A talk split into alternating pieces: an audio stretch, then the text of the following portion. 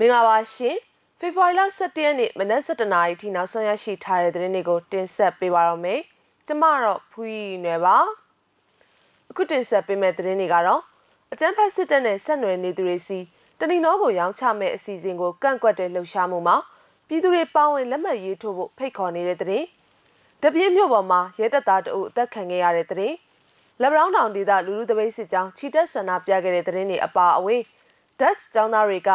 ဟိုက်ဒရိုဂျင်စွမ်းအင်သုံးပြိုင်ကားကိုတီထွင်လိုက်တဲ့သတင်းကိုလည်းတင်ဆက်ပေးဖို့ရှိပါတယ်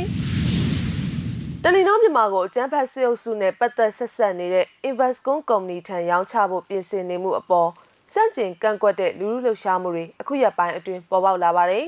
။အဲဒီလှုပ်ရှားမှုကို Black Money Campaign Global Myanmar Spring Revolution CRP Sport Group Norway အပါအဝင်တက်ကြွလှုပ်ရှားတဲ့အဖွဲ့တွေကဥဆောင်နေကြတာဖြစ်ပြီး ပြည်သူတွေပါဝင်လက်မှတ်ရေးထိုးတောင်းဆိုကြဖို့ကိုလည်းစော်ဩလိုက်ပါတယ်။တကယ်လို့တယ်လီနောလုပ်ငန်းကိုရောင်းချမှုအထမြောက်ခဲ့ရင်အသုံးပြုသူ18တန်းရဲ့ data အချက်လက်တွေဟာဝယ်ယူမဲ့ကုမ္ပဏီဖြစ်တဲ့ Investcon ကနေတစ်ဆင့်အကျန်းဖတ်စေအုပ်စုလက်ဝယ်ကိုကြားရောက်သွားမှာဖြစ်တာကြောင့်တယ်လီနောအုပ်စုအနေနဲ့ရောင်းချမှုကိုချက်ချင်းရပ်တန့်ဖို့လိုအပ်တယ်လို့အဲ့ဒီအဖွဲ့တွေကဆိုပါတယ်။ Investcon ရဲ့အဓိက share ပိုင်ဆိုင်သူဟာရွှေပြိုင်းဖြူကုမ္ပဏီဖြစ်ပြီးကြောင်းမြတ်တူဖော်ရာ စစ်တပ်အတွက်လောင်စာစီဝယ်ယူတင်သွင်းရောင်းချတဲ့လုပ်ငန်းတွေအပြင်အခြားလုပ်ငန်းတွေကိုလည်းစစ်တပ်နဲ့ဆက်နွယ်လုပ်ကင်ခွင့်ရရှိနေတာဖြစ်ပါတယ်။ Investco ရဲ့လက်ကျန်အစုရှယ်ယာတွေဟာလည်းလက်ဘနွန်အခြေစိုက် M1 Group လက်ဝယ်ကိုရောက်ရှိမှာဖြစ်ပြီးအဲ့ဒီကုမ္ပဏီကလည်းအကြမ်းဖက်စစ်အုပ်စုနဲ့ပတ်သက်ဆက်ဆက်နေပါတယ်။တလီနောအနေနဲ့လူအခွင့်အရေးကိုလေးစားလိုက်နိုင်ရတဲ့ကုမ္ပဏီတစ်ခုဖြစ်ပြီးနိုင်ငံတကာစံနှုန်းတွေနဲ့အညီလှုပ်ဆောင်တဲ့လုပ်ငန်းတစ်ခုဖြစ်ကြောင်းတွင်တွင်ပြောနေပေမဲ့လက်တွေ့မှာတော့သုံးဆွဲသူမြန်မာပြည်သူ18တန်းကျော်ရဲ့လုံခြုံရေးကိုထည့်သွင်းစဉ်းစားခြင်းမရှိဘဲ အခုလိုစစ်တပ်ထိန်းချုပ်ခံကုမ္ပဏီထံရောင်းချဖို့ပြင်ဆင်နေတာဖြစ်တယ်လို့ဆိုပါတယ်။တလီနောမြန်မာရဲ့ဝင်ငွေဟာဆီယနာမသိန်းခင်2020ခုနှစ်အတွင်းအမေရိကန်ဒေါ်လာ463သန်းကျော်အထိရှိခဲ့ပြီးတကယ်လို့တလီနောရောင်းချမှုအထမြောက်ခဲ့ရင်စစ်တပ်ဟာဒေါ်လာတန်ပေါင်းများစွာဝင်ငွေရှိတဲ့စီးပွားရေးလုပ်ငန်းရင်းမြစ်တစ်ခုကိုပိုင်ဆိုင်သွားစေမှာဖြစ်ပါတယ်။အကြံဖက်စစ်ကောင်စီဟာဒီငွေတွေကိုလက်နက်ဝယ်ယူရေးမှာအသုံးချသွားနိုင်တာလည်းဖြစ်ပါတယ်။ဒါကြောင့်မို့စစ်ကောင်စီနဲ့ပတ်သက်ဆက်နွယ်နေတဲ့ကုမ္ပဏီတွေထံ တလီနောမြန်မာရောင်းချခြင်းအပေါ်ကန့်ကွက်ဖို့ပတိရှင်းမှာလက်မှတ်ရေးထိုးပြီးလူလူဆန္ဒနဲ့အင်အားကိုပြသပေးဖို့ဖိတ်ခေါ်နေကြတာလည်းဖြစ်ပါတယ်။ရဲတပ်သားတဦးစကိုင်းတိုင်းတပြင်းမြို့ပေါ်မှာဖေဖော်ဝါရီလ10ရက်နေ့ကအသက်ခံခဲ့ရကြောင်းဒေသခံသတင်းရင်းမြစ်တွေကိုကိုးကားပြီးခေတ်သစ်သတင်းမီဒီယာမှာဖော်ပြပါဗျ။အသက်ခံရသူဟာရဲတပ်သားနေလေးထွန်းဆိုသူဖြစ်ပြီးရေဦးမြို့နယ်နဲ့တပြင်းမြို့နယ်အဆက်ကားလမ်းဘေးမှာအလောင်းကိုတွေ့ရတယ်လို့လည်းဆိုပါတယ်။မ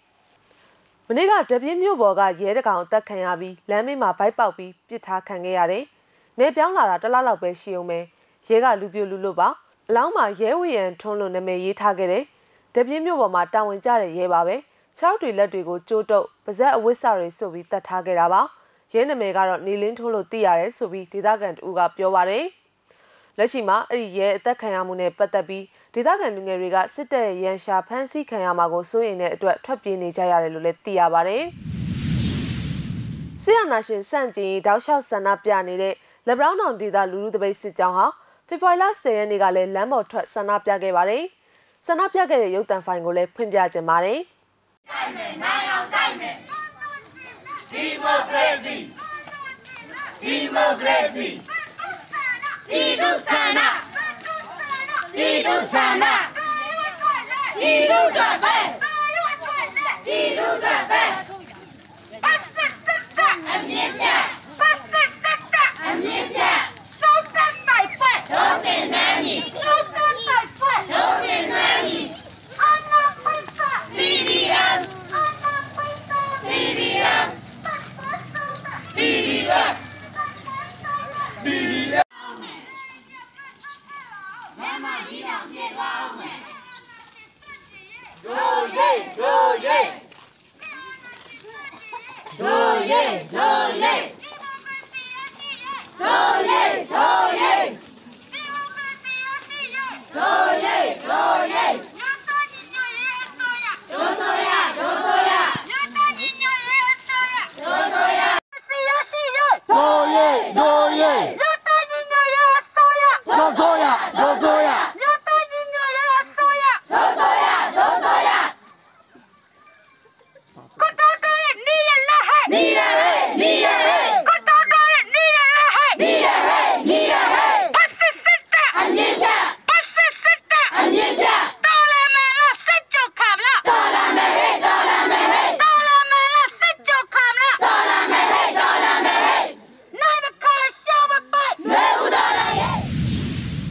နိုင်ငံတကာဘက်မှာတော့ Dash တောင်းသားတွေကဟိုက်ဒရိုဂျင်စွမ်းအင်သုံးပြိုင်ကားကိုတီထွင်လိုက်တဲ့အကြောင်းကိုလည်းတင်ဆက်ပေးကြပါတယ်။သတင်းအပြည့်အစုံကိုလည်းဆက်လက်ကြည့်ရှုလိုက်ရအောင်ပါ။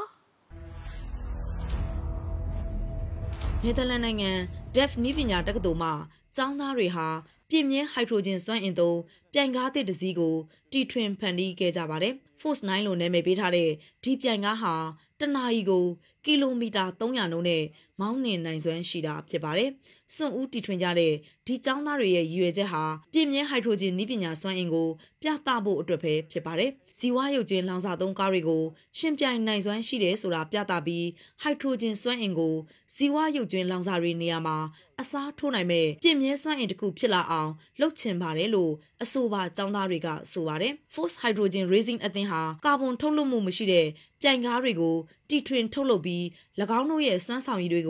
တက်တည်ပြထားပြီးသားဖြစ်ပါတယ်။2019ခုနှစ်က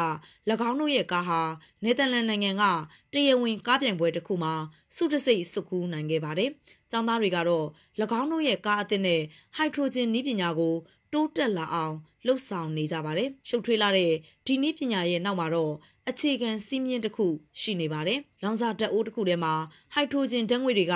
ရေအဖြစ်ဖန်တီးဖို့အတွက်လေတူတွေကအောက်ဆီဂျင်နဲ့ဓာတ်ပြုကြပါတယ်။ ဒီလိုဓာတ်ပြုရာကနေလျှက်စစ်ဓာတ်ထွက်ပေါ်လာပြီးကားတွေကမော်တာကိုစွမ်းအင်ပေးဖို့အတွက်ဒီလျှက်စစ်ဓာတ်ကိုအသုံးပြုတာပဲဖြစ်ပါတယ်။ကျွန်တော်တို့အနေနဲ့ကိုကိုကိုတောက်လျှောက်စိန်ခေါ်ခြင်းပါတယ်။ဒီတီထွင်မှုကကျွန်တော်တို့အတွက်ကြီးမားတဲ့စိန်ခေါ်မှုကြီးတစ်ခုပါကျွန်တော်တို့အဖွဲ့သားတွေက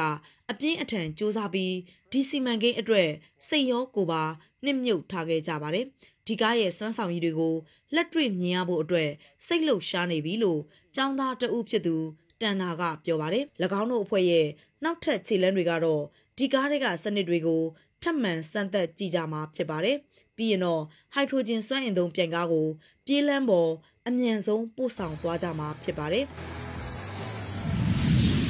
မဇ္ဈိမ TV ရဲ့နောက်ဆုံးရသတင်းတွေကိုတင်ဆက်ပေးကြတာပါ။စောင့်မျှော်ကြည့်ရှုခဲ့ကြတဲ့ပရိသတ်တွေအားလုံးကိုကျေးဇူးအထူးပဲတင်ရှိပါရရှင်။